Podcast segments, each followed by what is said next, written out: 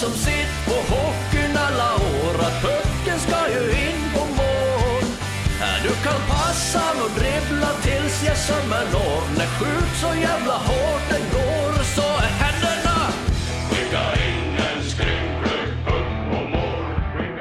Leksands IF-podden är tillbaka och vi är det efter ett landslagsuppehåll, vilket betyder att i stort sett inga matcher spelades här förra veckan. Det var vårt damjuniorlag som reste till Fagersta och inkasserade en eh, stabil 6-2-seger. Nu till veckan däremot så är matchandet i full gång igen där vårt damlag på onsdagskvällen, alla hjärtans dag, där tar sig till Linköping innan man på fredag och lördag tar emot Modo respektive Luleå på hemmaplan i Tegera Arena. Fredagens match mot Modo börjar klockan 18 och lördagens match mot Luleå startar 13.00. Vårt herrlag, ja, de spelar mot Skellefteå på tisdagskvällen i eh, Skellefteå Kraft Arena innan man på torsdag och lördag tar emot Färjestad respektive Växjö. Torsdagens match den börjar klockan 19.00 och lördagens match 18.00. Vårt J20-lag de har en bortatripp som väntar till helgen där man först ställs mot Djurgården på Hovet på lördagen klockan 14.00 och sen på söndagen tar man sig till Värmland och Karlstad för att ta sig an Färjestad där matchen börjar klockan 15.00. J18, även de är på bortaplan och även de- de ska möta Färjestad. Det gör man på lördag klockan 12.30 för att sen på söndagen möta Örebro i Bern Arena med start 16.00. Damjuniorerna, ja de har ett Gävle-Dala-derby framför sig på lördagen klockan 12.00 i Monitor ERP Arena B. Där Brynäs alltså står för motståndet. Söndag då möter även damjuniorerna Färjestad, en match som spelas i Norvalla ishall med start klockan 14.00. Med det sagt så är det hög tid att välkomna veckans gäst. Vi säger välkommen tillbaka Thomas Johansson till podden. Tack så mycket. Var, när var det senast du var här? Det känns som, att- som att du är här stående nästan, men det är väl ett tag sedan? Ja, det är nog... eh, ja, det, det är ett tag sedan. Jag Års, riktig koll. årsskiftet kanske? Ja, det det kan det nog vara. Ja. Lite kanske runt jul där, någon form av höstsummering eller någonting sånt där. Men det var ett tag sedan. Alltid lika trevligt att ha dig här. Tackar. Eh, hur står det till för dagen? Det är bra. Det är bra. Jag eh, det studsar igång igen med, med matcher. Nu är det ju fullt ös ända fram till serien är färdigspelad och så får vi se lite vad, vad det har att erbjuda. Men, men en spännande tid framför oss så det känns bra. Hur märker du av i din roll att det blir ett sånt här lands, landslagsuppehåll och uppehåll från, från matchandet? Ja, i, i min roll så handlar det väl mer om att det dels så blir det ju en, en vad ska man säga, en, en, en känsla borta hos oss på sporten med där man på något sätt slapp, kan slappna av lite grann och släppa garden lite och fokusera kanske mera på både återhämtning men också träning och inte fundera så mycket, lägga så mycket fokus på matchplanering och matcher och sånt där utan det märks på hela, hela våran grupp där borta att det blir Ja, men det blir lite mer lättsamt. Eh, utan att för den skulle att det blir något ploj, men ändå en känsla av att man, man, man släpper lite fokus på det här som, som är runt omkring när matchandet är i fullt gång och, och så. Så att det blir lite återhämtning framförallt. Det låter ju skönt måste jag säga, men jag antar, antar att det känns ganska skönt att komma igång med, med matchandet nu. Ja, men det gör det ju. Det är matcherna som är själva grejen. Men sen ibland är det bra liksom att få både tid till att göra en reflektion, vilket vi har gjort av den tiden som har varit och göra en liten form av summering så här långt, hur vi ser på det, eh, vad vi behöver jobba med framåt. Så att det är rätt skönt ibland när de här pauserna kommer också, att det blir någon slags, ja men det här har vi gjort hittills, det här har funkat, det här har inte funkat, det här behöver vi göra framåt, vi behöver styra om det här, ändra det här. Att man hinner liksom också lägga om lite kursen i det där. Så att, så att breaksen är, är sköna, säkert både för spelare att få lite återhämtning men också för oss ledare att, att på något sätt hinna reflektera. För det snurrar på rätt snabbt när allting går i ett. Du, frågelådan här till dig, den är proppfull Thomas. Jag tänker att vi, vi kör igång direkt. Eh, och vi har här, det är många som, som har ställt samma fråga, men Mikael Norman är en av dem som eh, skriver Jag undrar om du och Leksands IF har, börjat, har börjat förhandla om en fortsättning i klubben. Ser gärna att du blir kvar i Leksand, för du gör ett otroligt bra jobb. Hur ser förhandlingarna ut? Ja, först och främst tack för, för eh, eh frågan och, och, och berömmet. Men, eh, nej, men just nu händer väl inte så där jättemycket. Det gör det inte vi får väl se lite grann. Det är ju ett år kvar och, och lite sådana. Sen är ju min roll är ju en, en rätt kanske viktig position utifrån också en framtida planering och sådana saker. Så att vi får väl se när, när eh, Hedbom och gänget kanske börjar att dra i de trådarna. Men än så länge så eh, har det inte hänt någonting. Vi har Martin Mullback här. Jag kom in en del frågor om kontrakt även för spelare, så vi, vi tar väl några sådana här tänker jag. Martin undrar här, hur ser planen ut med Carter Ashton som är en av de som har utgående kontrakt? Ja, vi, vi kommer väl inte att... Carter har ju varit skadad en hel del. Eh, jag vill se, till, se att han kommer igång ordentligt och vad som händer och så får vi se lite hur framtiden ter sig. Vi, vi har väl inte stängt några dörrar till någon av de spelarna. Vi gillar ju de spelarna vi har hos oss. Eh, tycker alla spelare tar steg och kliv hela tiden. Sen i slutändan ska man få ihop, dels ska man få ihop en position för spelaren i gruppen och laget. Det ska också harmonisera med de ekonomiska ramarna eh, utifrån den positionen som spelaren kanske har. Så det finns vissa sådana saker, men först och främst nu tycker jag det handlar mycket om att Ashton ska få komma in i spelet igen, han ska få spela den här sista delen och så får vi se lite hur framtiden ter sig. Du var inne på att han har haft skada. Nu är det väl äntligen nästan en i stort sett skadefri trupp? Man vågar ju inte nämna det, man vågar inte säga något. För det, det, men, men de här lite långvariga skadorna som vi har dragits med, eh, Ashton bland annat, Eh, är ju borta från oss. Eh, så att vi hoppas väl nu att vi får vara hyfsat friska i alla fall resterande delen av säsongen. Det vore kul om vi fick, fick nyttja hela truppen och, och på så sätt också se vilken kapacitet det här laget kan ha när, när alla är, är på plats. Eh, men som sagt jag vågar, inte, vågar knappt ta de orden i, i min mun. Att, alla just nu är hyfsat friska och fräscha. Det är det här klassiska peppar peppar och ja, ta, i, ta i pannan där. Eh, tre andra spelare som folk undrar över, eller supportrar undrar över här, det är ju Anton Lindholm, Olle Alsing och Matt Kate. Hur ser det mm. ut? Hur ser det ut där? Ja, det är väl samma sak där. Eh, vi får väl se lite grann. Eh, vi har ju hållit på och diskuterat med, med alla tre egentligen. Men eh, i slutändan så, så blir det ju också en, en någon form av kanske ekonomisk fråga. Eh, att man ska kunna få in dem i, i, i en budget också.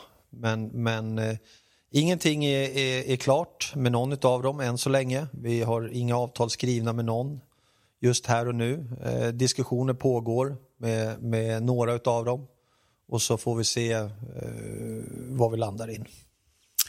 En hel del frågor rörande eh, herrlagets powerplay-spel har också kommit mm. in här. Eh, Per-Åke Skog, en av de som har skickat in sin fråga, som undrar varför envisas man med att köra special teams i powerplay? Uppenbarligen så är det ju något som låser sig i princip i alla våra PP-uppställningar samtidigt som vi kan ha en glödhet första eller andra femma. Varför inte bara låta ordinarie femmorna köra på även vid PP?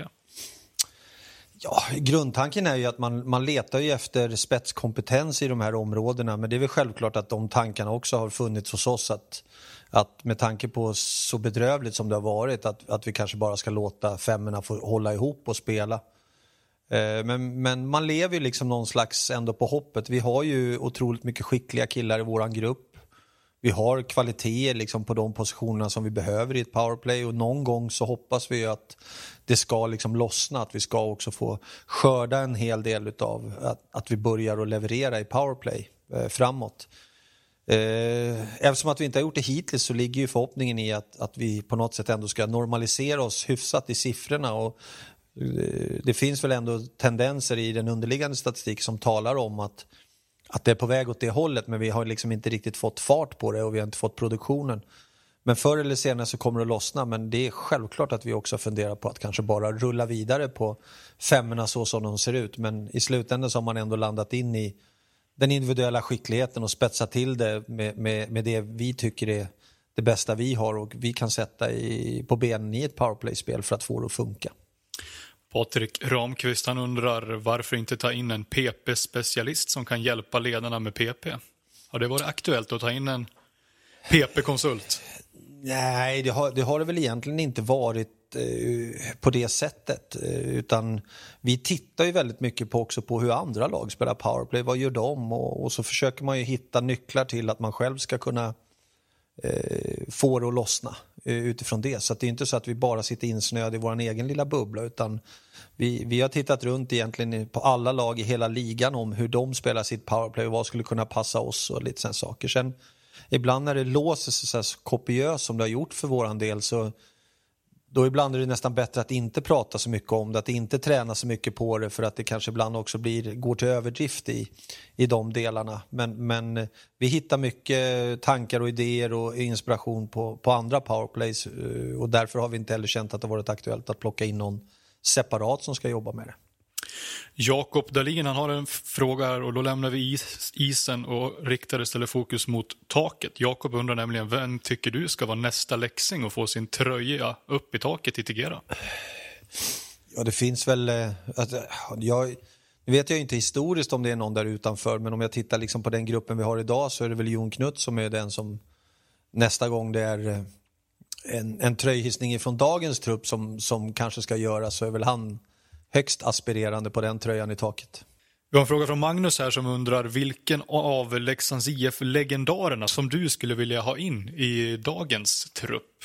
Oj, oj vad svårt.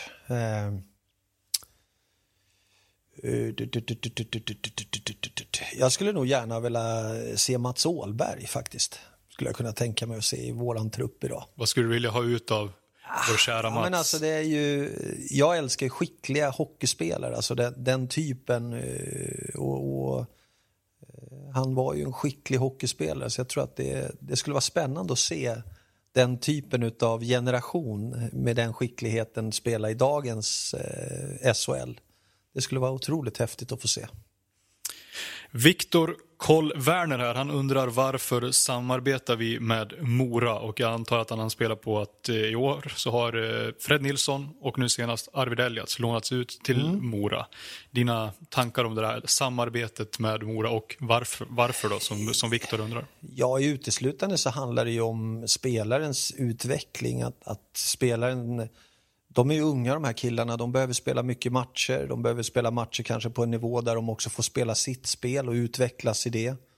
Eh, jag tycker också närheten, att, att vi har Mora liksom runt hörnet. Killarna kan bo kvar hemma, det blir liksom inga större stökigheter för dem i det privata livet också. Eh, jag tycker Mora har utifrån det, den bilden jag har sen kanske Johan Hedberg var där eh, och även nu när Hermansson är där och är coach. Att de, har liksom en bra verksamhet var, varje dag också med bra fys, bra isträning, bra istränare. Så att jag tycker att det finns mycket som Mora gör som, som är bra ingredienser i det som vi när inte vi kan erbjuda spelarna till 100% det spelarna behöver så tycker jag Mora står för mycket av de sakerna. Och på så sätt i slutändan så handlar det om att göra våra spelare bättre och i slutändan handlar det om att det ska gynna Leksands IF. Så att det är väl grundförutsättningen för att vi, vi har den typen av utbyte med Mora. Eh, Viktor och några till som har skickat in frågor om just det här med utlåningarna till Mora. De är inne på att det tar, det tar udden av rivaliteten mellan klubbarna. Hur, hur ser du på det? Oj, ja, jag, jag har inte kanske den historien med Mora så jag är lite svårt liksom att uttala mig. Men jag ser ju liksom att om AIK eller om Djurgården och Hammarby i Stockholm kan dela arenor med varandra i fotbollen och rivalitet. Och, uh, ja, jag, jag, jag har svårt historiskt att sätta in hur stor rivaliteten med Mora egentligen är. Jag, jag får en känsla, jag följer också X där ute och jag vet ju det var väl Blåvita krigare som är en Leksands eh, inspirerad plattform som hade lagt ut någon omröstning och då visade det väl att det var typ 90% som ändå tyckte att det var bra och 10 procent som inte tyckte det var bra. Så jag, jag, har svårt liksom att sätta mig in hur hård rivaliteten också är ute bland gemene Leksandssupporter som skulle göra att vi skulle liksom inte ta den möjligheten som är oerhört positiv och bra för våra spelare och i slutändan då gynna Leksands IF. Så att jag, jag har svårt att sätta, sätta fingret på den superrivaliteten, att den skulle vara så otroligt stark som gör att man inte ens kan prata med varandra. Ungefär. Vi har ju haft en av våra största Leksands hjärtan och sponsorer, P.O. Ejendahl, som har sponsrat Leksand, eller Moras arena under ett antal år. Ja, så jag, jag har svårt liksom att, att sätta mig in i, i den rivaliteten på det sättet som skulle göra att det skulle vara, vara ett, ett sånt stort hinder för oss att jobba på det sättet.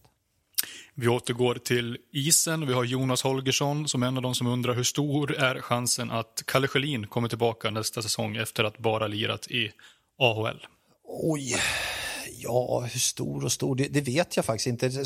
Problemet man har med, med killar som befinner sig där borta det är ju att ända egentligen fram till slutet på juli så vet man inte riktigt vad de kommer att spela. Även om vi skulle skriva ett kontrakt med en kille som, som kommer från AHL så kan det hända saker och ting ända fram till egentligen sista juli som gör att spelaren kan försvinna ifrån oss av olika anledningar. Så, så det är ett osäkert kort också att börja satsa på de här för de är lite i händerna på vad NHL-klubbarna tycker och tänker och de tillhör dem och de kan användas som bytesvaror och, och såna saker. Så att, att bygga liksom vissa tongivande positioner på spelare som kommer från AHL kan, kan vara lite risky business. kan det vara.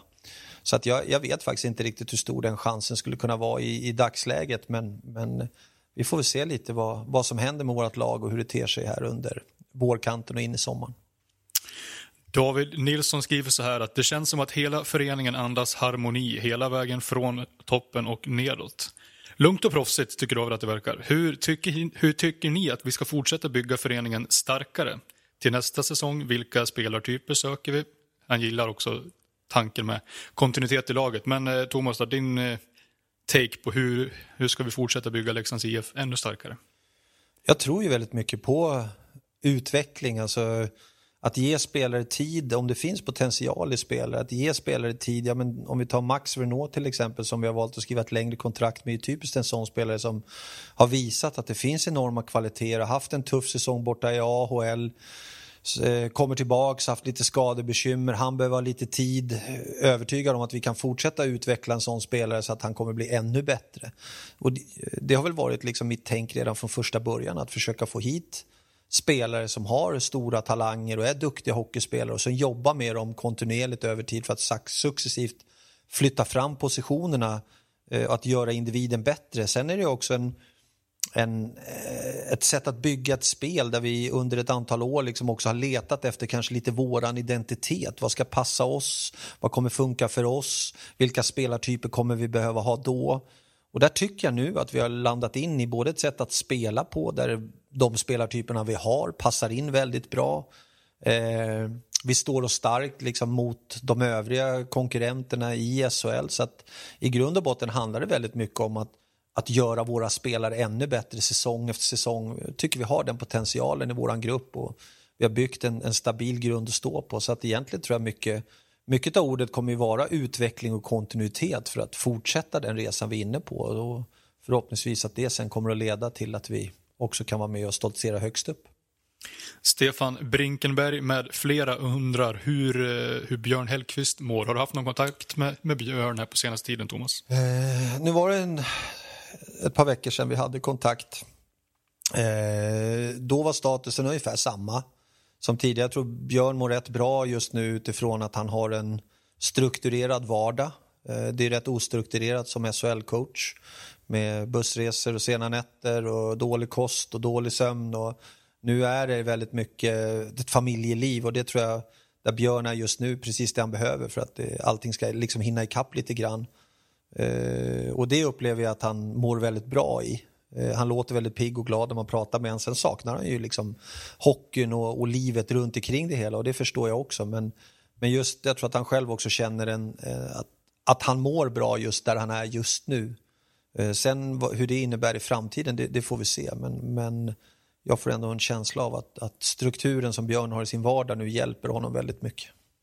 Henrik Kristensen han undrar om det är någon eh, ny spelare på väg in i här truppet för att det här transferfönstret stänger ju snart, närmare bestämt natten till, till fredag va?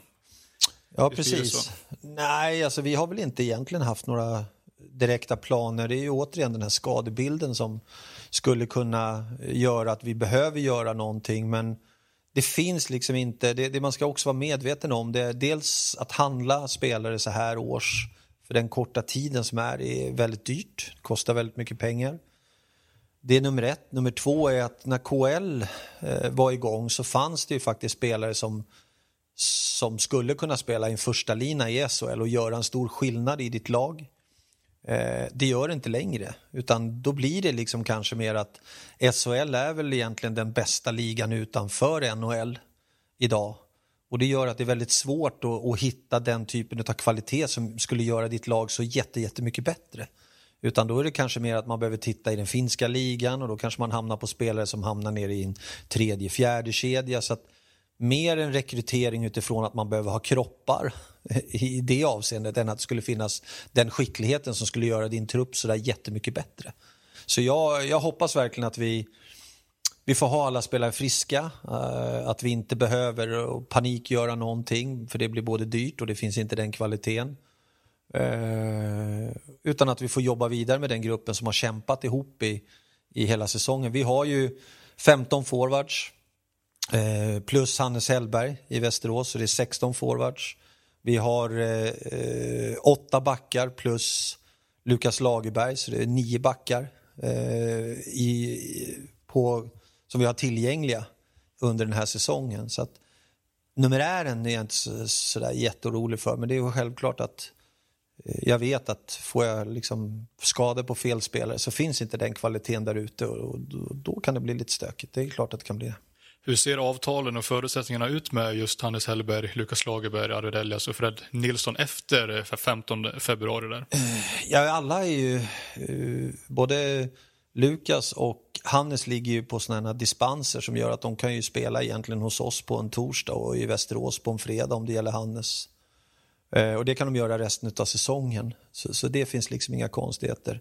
När vi tittar på Elias och, och, och Fred så ligger de på sådana dispens som gör att efter den 15 så kan man kalla hem spelare men då kan man inte skicka tillbaka spelaren igen. Så att eh, det finns alltid en möjlighet för oss att få tillbaka spelaren och där är ju också någonting när man, om man tittar lite på det här, många tror ju ibland att det bara är att slänga ut spelare till en klubb och så löser man sig men så här år ska det dels så de hockeyallsvenska klubbarna har liksom bara ett visst antal SHL-lån som de får utnyttja under en säsong.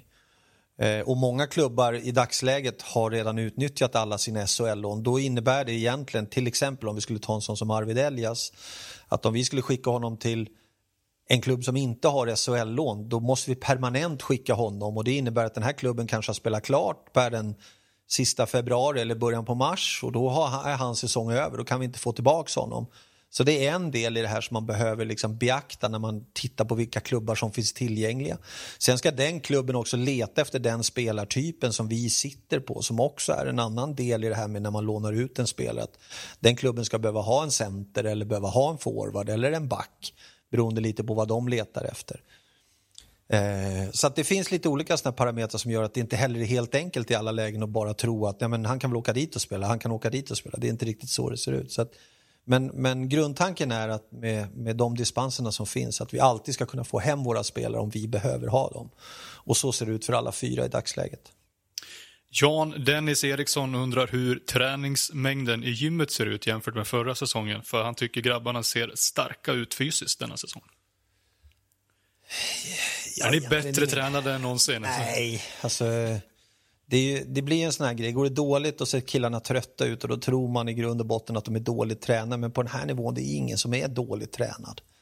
Utan eh, vi har jobbat på utifrån den fysprofilen som vi har, den kravställningen som vi har. Eh, de jobbar med fys i stort sett varje dag. Eh, sen är det lite olika. Det brukar vara en typ av fys, om vi spelar torsdag och lördag så brukar det vara en fys, eh, typ av fys på måndagar en annan på tisdag, en lite mer matchförberedande fys på onsdagar och sen är det match torsdag så brukar det vara lite mer återhämtningsfys en fredag och sen är det match lördag så brukar de vara lediga söndag. Spelar vi tisdag så blir det lite ett annat upplägg, då får man liksom försöka hitta Dels ibland kan man träna kanske efter en lördagsmatch för att man behöver fylla på med lite tung styrketräning eller den typen. Men annars så handlar det väldigt mycket om att man ska ha gjort liksom, sin grund innan man kommer in i de här tre, tre veckorna så att man inte behöver jobba så mycket. Sen, vi testar ju våra spelare kontinuerligt under säsongen som också är en del i att se att vi är på den nivån vi vill vara. Att den träningen vi har ger den, det utslaget vi vill att den ska göra. Så att precis som på isen att man från 1 augusti vill göra spelaren bättre ju längre säsongen går så gäller det fysen också. Att vi ska försöka få spelarna ännu bättre fysiskt förberedda ju längre säsongen går. Eh, och det är ett mått. Vi jobbar också med vi har ett fyssystem som heter First Beat där spelarna har en sensor på sig. Så fort de kommer till rinken så sätter de på sig den här sensorn som mäter återhämtning, hur de ser ut i kropparna. Behöver vi förändra någonting i deras dagliga upplägg utifrån att de inte är tillräckligt återhämtade? Hur ser dagens träning ut? Hur mycket har den påverkat spelaren? Och, eh, alla sådana siffror som vi hämtar in därifrån också bakas ihop till en fysprofil för spelaren så att vi kan följa spelaren väldigt noggrant Eh, med att de inte tränar för hårt, att de inte ligger i fel zoner, att de är på rätt ställen, att isträningen ger det vi vill att den ska ge, att fysen ger det. Så att vi, jag, jag tycker att vi har, vi har skaffat oss också hjälpmedel för att också hjälpa de som jobbar med fysen till att se att vi jobbar på ett sånt pass bra sätt så att våra spelare tar sig i rätt riktning så mycket som möjligt. Eh, och det, det känns otroligt spännande att fortsätta med det rätt mycket som har hänt rent teknologiskt sen du var aktiv. Ja, herregud. Det, det, det, och det, från början så det gäller ju liksom allting. Det gäller ju, men vi, tidigare så har man ju bara som kanske tränare, så här, visst du har ju kunnat ha pulsmätare på spelarna och se vad de har haft för puls, men det har ju liksom inte sagt så mycket mer än det. Eh, men du vet ju inte hur hård din isträning har varit. Har det varit en isträning som utvecklar spelaren rent fysiskt eller har du tränat helt fel? Har det krockat med det du gör på gymmet? Och det är det de här first-beat-systemen kommer in och det finns ett annat system som heter katapult också som många fotbollsspelare använder. De springer ibland, de tar av sig tröjan så ser man att de har en sån väst på sig. Så där det hämtas in massa data hela tiden och det gör vi ju dels för att vi ska kunna veta att vi tränar på rätt saker, att vi gör rätt grejer, eh, vad en isträning kostar, hur tränarna ska planera en träning, hur ska det harmonisera med en fysträning. Eh, och sen också i slutändan så gör det ju att spelarna också får bättre kontroll på var befinner jag mig, hur mycket har den här träningen kostat, är det någon risk för skador? För att ligger du i fel zoner under för lång tid så ökar liksom skaderisken. Och, så det är mycket sådana saker tycker jag som är rätt spännande att grotta i, som vi jobbar med idag för att vara en professionell förening och ta hand om våra spelare så mycket det går. Det, och det är jag otroligt glad över att vi har investerat i. Eh, Björn Lönnberg här, han har en till transferfråga som lyder så här. Han tänker inte ge upp hoppet, skriver han. Blir det någon Jaromir Jagr i Leksands IF? ja, nej det kommer nog inte bli någon Jaromir Jagr, men det är, ett, det är ett rätt roligt namn faktiskt. Har du fått några sådana där liksom, konkreta alltså förslag någon gång på nej. stora namn på avdankade spelare, eller vad man ska säga? Nej, ingen sådär som man har sagt, oj, hajat till så, det har jag inte fått. Men, men eh, ja, det, var det inte Thomas Roos som var inne på Phil Kessel också som en sån här liten rolig, oh, ja, rolig värvning för att få fart på vårt powerplay. Och korvförsäljningen? Ja, nej, men det, nej, jag inte, men eh, det är en liten rolig, rolig tanke. Det senaste någon gjorde så här, det var när Ed Belford dök upp i Leksand. Mm. Det eh, var väl kanske den senaste sådär chockvärvningen i det avseendet av med, med ett namn, med, med de meriterna som han har. Fredrik Björs skriver så här att vad är det som är slash ska vara Leksands USP när det kommer till att kontraktera spelare? Bra verksamhet känns det som att många har, men vad gör oss unika och vad vill vi stå för, locka med?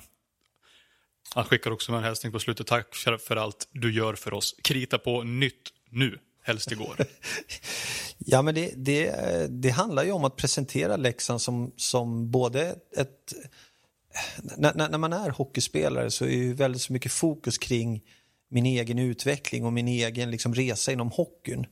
Eh, och då finns det lite olika parametrar. Dels så finns det det här med att man behöver ha en bra daglig verksamhet och det är klart att våran dagliga verksamhet försöker vi utifrån vad vi tycker är viktigt och hur vi vill jobba alltifrån med tekniska hjälpmedel, med statistik, med det vi gör på isen, med individuell utveckling att vi gör det så bra som möjligt så att vi ska vara bättre än Färjestad eller bättre än Frölunda. Sen har ju alla hyfsat bra koll på vad det är man gör men, men självklart så vill ju vi sälja in konceptet av att kom till Leksand och här utvecklas du.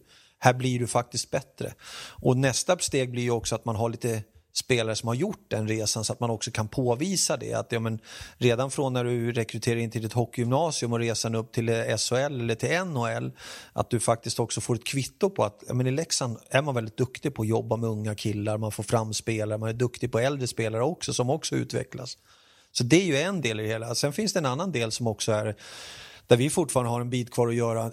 Det är att vara ett etablerat topplag där spelare idag som kanske är i 27, 28, 29, 30 år, de vill vara med i lag där de har chans att vinna något. Där de känner att ja, men, jag, jag går inte till ett lag som jag tror kommer få kvala, utan jag går till ett lag som, om jag är en duktig hockeyspelare, som har chans att vinna. Eh, och det är också en viktig del och där är ju inte vi kanske riktigt än. Vi har inte den record bakåt med att vi har varit med i toppen och slåss fem, sex, tio år på raken och de så kanske vi spelar två, tre SM-finaler och såna saker som, ja, men som kanske Växjö kan konkurrera med och säga så här, ja, men du, får, du får mindre betalt hos oss men här kommer du vara med och utmana om ett guld. Riktigt där är inte vi riktigt än i Leksand. Och Det är också en viktig del. Sen nästa del blir också det sociala runt omkring. Ja, men det passar inte alla spelare att bo i Leksand så jag tror att det också var väldigt öppen och ärlig med det här är Leksand och inte invagga dem i att eh, det finns ett köpcenter och det finns de här sakerna och liksom att ränna runt på. Utan att man också väldigt noggrant presenterar och många gillar småstadslivet, det enkla livet, närheten till saker och ting. Och så där. Men det gäller också att få med eh, familjen på båten, flickvän, fru, att de trivs. Så killarna har liksom sitt omklädningsrum, de har sina kompisar i hockeylaget. Det kommer inte vara en utmaning utan en utmaning kommer vara att få flickvänner, fruar, sambos, barn, att de ska liksom också in i, i de här miljöerna och trivas. Så, så att det är också en, en, del i utmaningen kring att vara en attraktiv förening. Men, men jag tycker det förstnämnda med den individuella delen och vill du verkligen jag har, också, jag har ju varit verksam i Djurgården och spelat i Djurgården, varit i Linköping. Så jag, det som Leksand har att erbjuda i form av enkelheten ifrån det att du är ungdomsspelare till juniorspelare och även upp som seniorspelare är helt fantastiskt. Alltså den närheten och om du verkligen vill satsa på din ishockey, få ställen som är bättre att vara på, i mitt tycke utifrån den erfarenheten jag har. Eh, men sen har vi en utmaning med det här med att vara topplag varje år och kunna vara attraktiva utifrån det och även det här med familjer som ska trivas och, och kunna skapa förutsättningar för dem, delen med bra boenden och sådana här saker. Och där är ju, det är någonting som vi får jobba hårt på för att bli den här totala föreningen som gör att men spelare ringer till mig och vill komma hit och inte vi alltid behöver sitta och jaga spelare. Daniel Lundin undrar om du får välja fritt, Thomas, vad skulle du vilja förbättra i arenan? Oh, eh... Lite varmare kanske, eller vad säger du? Ja, Prosen är en jäkel på att dra ner kylan. Det är rätt kallt alltså. Ja. Nej, men det... Ja, ofta när man, när man går liksom på hockey, man är ju runt på, så, så är det ju på något sätt liksom en en helhetsupplevelse. Det, det ska ju tilltala liksom ett så stort spektra av olika åskådare för att du ska vara attraktiv. Det finns ju de åskådarna som älskar liksom supporterkulturen och sjunga och såna här saker men jag tror att det kan finnas lika många supportrar som mer vill bli underhållna under en match.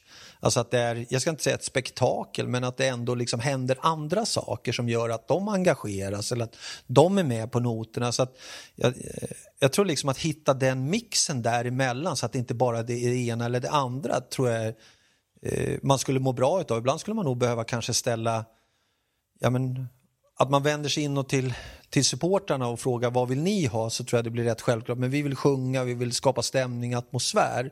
Men skulle du ställa frågan liksom till kanske den besökaren som kommer hit en eller två gånger, vad är viktigast för dig? Så kanske du får ett annat svar. Jag tror att det är viktigt att lyssna in det för att sedan skapa en gemensam, för att en bra atmosfär och en bra stämning kommer driva folk till arenan som kommer skapa en ännu bättre upplevelse, ännu bättre och, och dessutom kunna liksom bygga Leksands varumärke som den mest fantastiska upplevelsen i svensk ishockey som du kan gå på.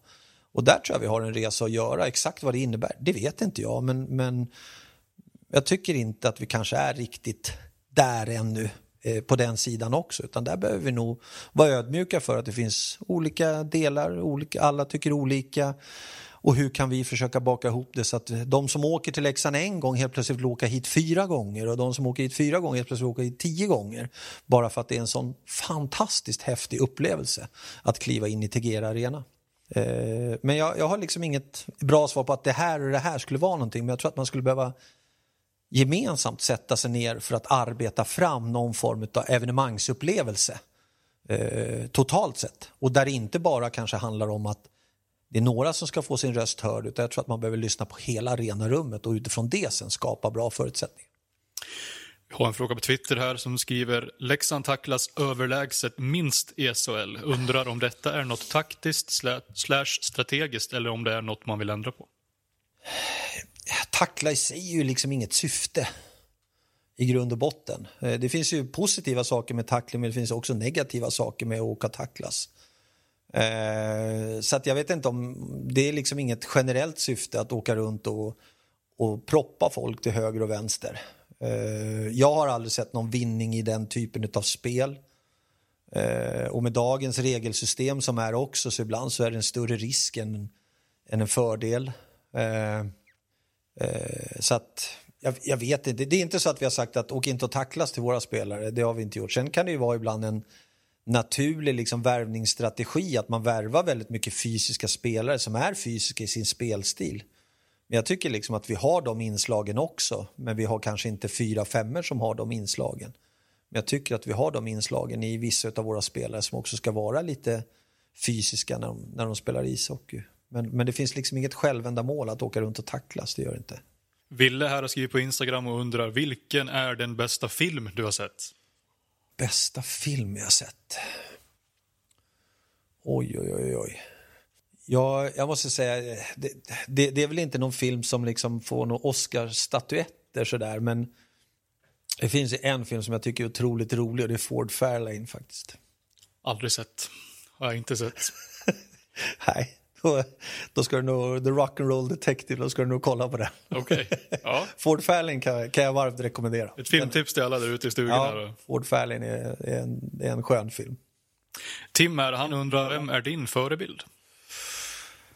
Oj, jag hade väl egentligen min förebild, jag var rätt dålig på att ha förebilder när jag var yngre för jag, jag var liksom ingen sån här, dels så fanns det inte kanske den mediauppbackningen kring ishockey. Men, men eh, självklart så Börje Salming var ju någon som ändå florerade någonstans i, i bakhuvudet liksom på eh, förebilder sådär. Sen när jag kom in, i, kom in i Djurgårdens verksamhet så var ju Thomas Eriksson en förebild som, som var i, i, i Djurgårdens organisation som, som jag såg upp till väldigt mycket som jag sedermera fick eh, dela rum med när jag kom upp själv i det var rätt roligt. Vi var på en, en Tysklandsresa och spelade en turnering i Tyskland. Och det var första gången jag var med eh, herrlaget. Fick bo med Thomas Eriksson, en av mina idoler. Eh, han låg och läste bok i typ fem dagar.